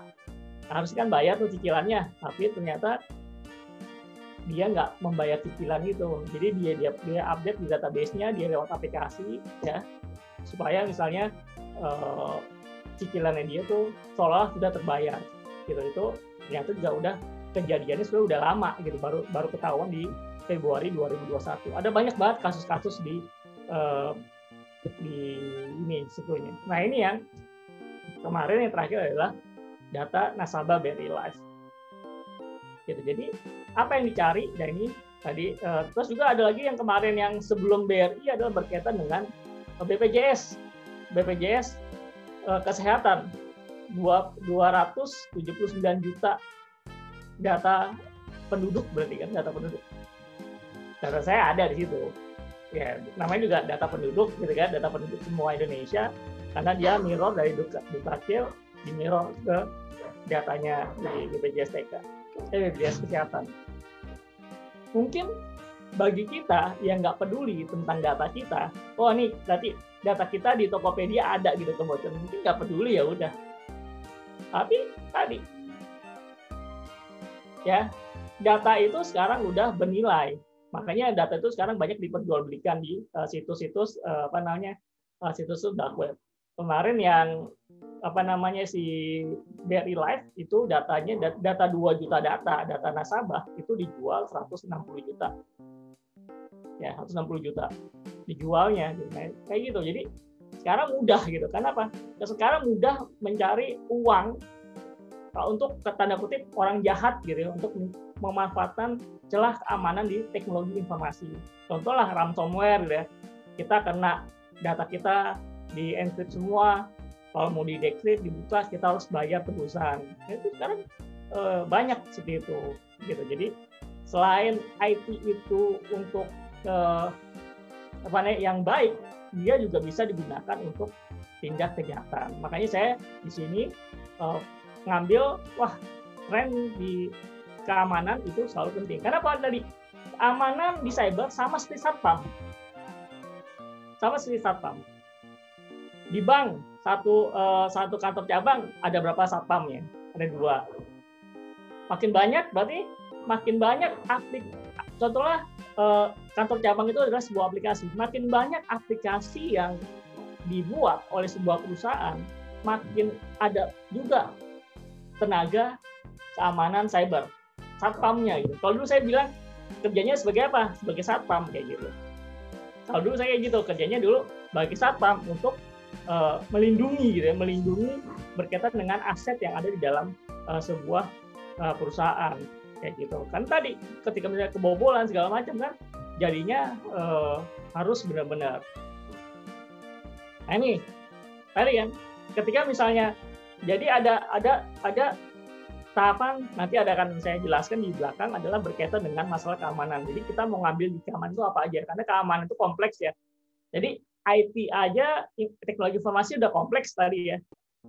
Sekarang di cyber security juga kompleks. Ada spes, ada uh, spesifikasi. Rekan-rekan mau ngambil di mana gitu, spesifikasi di cyber security. Gitu. Kalau saya tadi karena saya udah 15 tahun, alhamdulillah saya udah uh, apa namanya uh, mengcover semua area. Karena tadi saya berawal dari network engineer. Dulu saya kebetulan uh, apa namanya uh, magangnya itu di Lintas Sarta ya data data communication kan di network engineer. Situ saya belajar jaringan, routing segala macam. Setelah dari lintas apa, di sana jadi sysadmin, Linux, Windows, database segala macam. Di sana juga dia sebagai software belajar saya belajar coding, belajar coding sendiri. Gitu. Bosan dengan itu semua, saya terjun ke konsultan berkaitan dengan keamanan cyber karena saya udah bisa mengcover semua area gitu, bisa mengcover semua area. Nah, setiap uh, terjadi insiden, ini dibutuhkan investigasi digital forensik. Jadi ketika tadi, wah ada insiden nih uh, eh, BRI Live kebobolan, nah itu ada ada tenaga untuk melakukan investigasi, gitu, untuk melakukan investigasi. Makanya untuk melakukan investigasi ini dibutuhkan uh, digital forensik. Makanya tadi saya untuk uh, sertifikasinya tadi ada yang untuk mengamankan, ada yang untuk uh, menyerang, ya, ada yang untuk melakukan investigasi. Jadi uh, mengamankan, menyerang, investigasi. Itu di di, di cyber keamanan cyber gitu. Mengamankan, menyerang, investigasi. Karena tiga itu yang biasanya ada. Maka tadi sertifikasi saya itu berkaitan dengan itu. Uh, OSCP itu gimana cara menyerang, ya terus juga EMPT juga jarang menyerang. Itu juga uh, ISO 21 gimana cara uh, governance-nya tata kelola. Itu cara bertahan kayak gitu. Terus sampai CASI gimana cara melakukan investigasi terhadap insiden. Kayak gitu. Jadi uh, ini dibutuhkan investigasi. Nah, di dalam digital forensik itu ada banyak ya, ada banyak juga ini kan. Ada komputer forensik, mobile phone forensik, database forensik, uh, data analysis gitu. Karena sekarang ada tadi semua teknologi itu bisa diinvestigasi, bisa diforensik. Jadi misalnya teman-teman melakukan kejahatan di menggunakan handphone, handphonenya udah udah dihapus, udah disuap segala macam, udah dihancurin gitu ya, itu masih memungkinkan untuk diinvestigasi, diambil datanya. Gitu. Karena ada beberapa layer itu yang memang memang semua teknologi itu ada layernya untuk melakukan digunakan untuk investigasi. Database, data gitu ya Tadi apalagi nanti ketika kita bicara big data gitu ya, data besar. Nah, gimana cara kita menganalisa terjadi uh, di dalam big data tadi. Nah, ini makanya ada forensic data analysis. Melakukan forensik di data itu. Misalnya ada uh, miliaran data, raw data gitu ya. Nah, gimana kita melakukan investigasi? Maka tadi ada visualisasi segala macam. Jadi itu. Jadi ada banyak ya di dalam digital forensik kita mau ngapain aja ada banyak. Nah, Nah, biasanya ya biasanya sebelum kita uh, ada sebuah insiden gitu ya, misalnya kita kita kena uh, ransomware apa gitu ya, biasanya kan oh uh, Bitcoinnya ke sini. Nah, biasanya ada digital footprinting, jejak digital. Gitu. Jejak digital ini yang biasanya harus sebagai investigator itu digunakan jejak digital ini, jejak digital. Jadi kita nih masuk ke dunia cyber. Ketika kita masuk ke dunia cyber, pada kita masuk kita sudah menaruh jejak. Gitu. Jadi semua user, semua orang yang sudah terkoneksi ke cyberspace, mereka ada di uh, digital uh, footprint, jejak digital ada.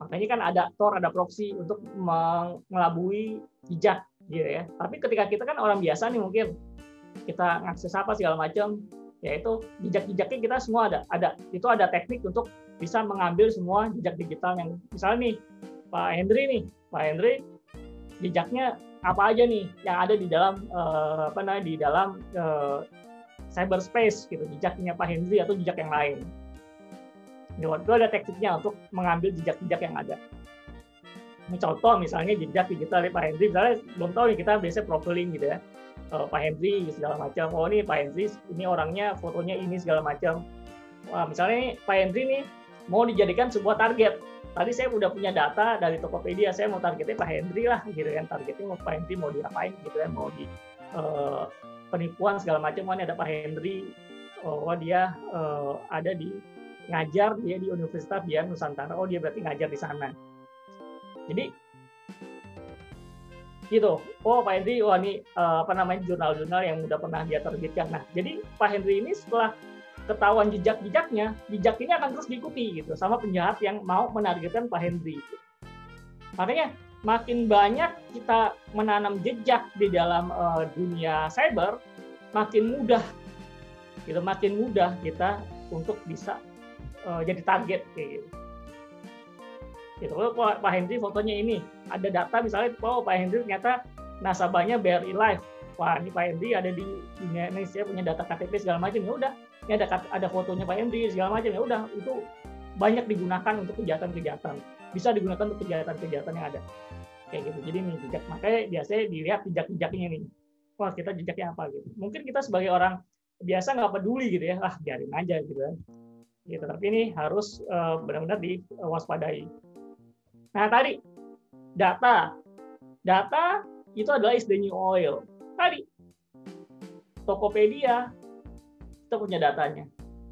Terus eh, apa namanya eh, Bineka kita punya datanya, BPJS kesehatan punya data. Data itu diambil. Mungkin kita sebagai orang biasa data ini nggak nggak mungkin nggak apa namanya nggak nggak terlalu berimpak kita. Tapi ketika data is the new oil gitu kan, makanya pertama eh, Gojek gitu ya, pertama dia launching dia gembor-gembor tuh bakar duit.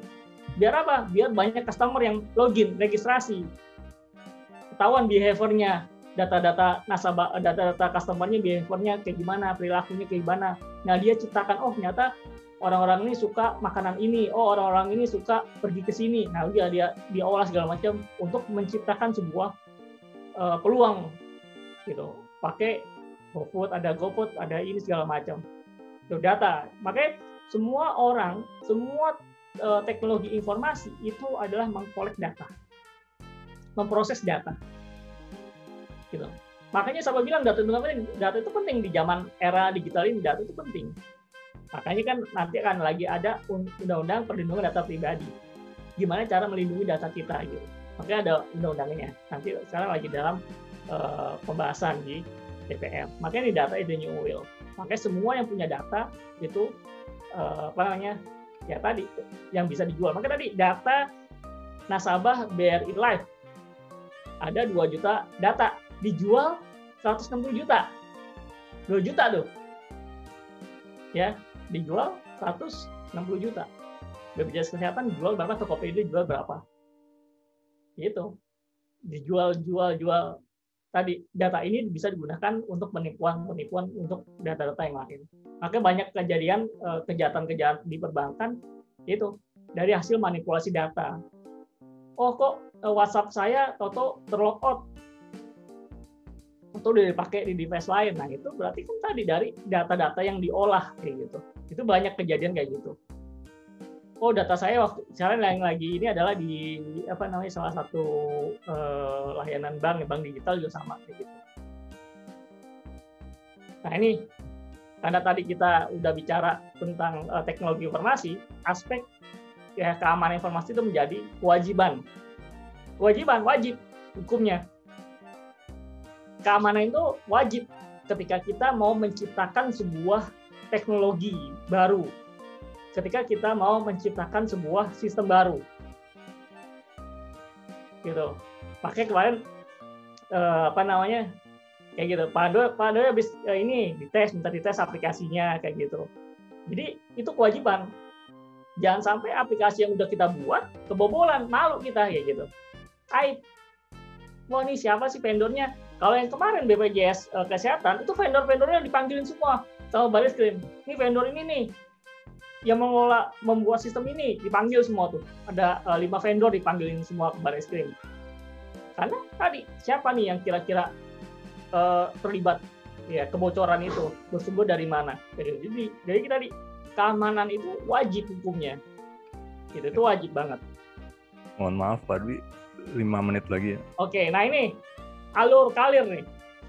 Nah, ketika kita mau masuk ke dalam dunia keamanan cyber, apa sih? Mulai dari mana gitu? Nah, ini makanya di BSSN yaitu ada peta vokasi fungsi keamanan cyber. Ini dari tingkat junior, junior security, cyber security operator, ya, ada security awareness, pen tester, threat hunter, sampai CISO, Chief Information Security Officer. Ini tingkat manajerial ke atas. Ini uh, alur pet gitu ya ketika kita mau ke dunia keamanan cyber. Jadi kita mau berawal dari mana? Nah, peluangnya apa nih? Peluang dari tenaga keamanan. Tadi, peluang pertama dari regulasi. Pertama dari POJK. Ini baru semua nih, saya ngambil ini baru semua, data-data baru semua. Tahun 2021 tentang penerapan manajemen risiko dalam penggunaan gitu. Terus juga ada lagi BI, ya ada juga nah kalau di luar ini ya kalau di luar ini nanti akan dihandle sama BSSN ada juga dari uh, Kominfo tentang penyelenggara sistem transaksi elektronik.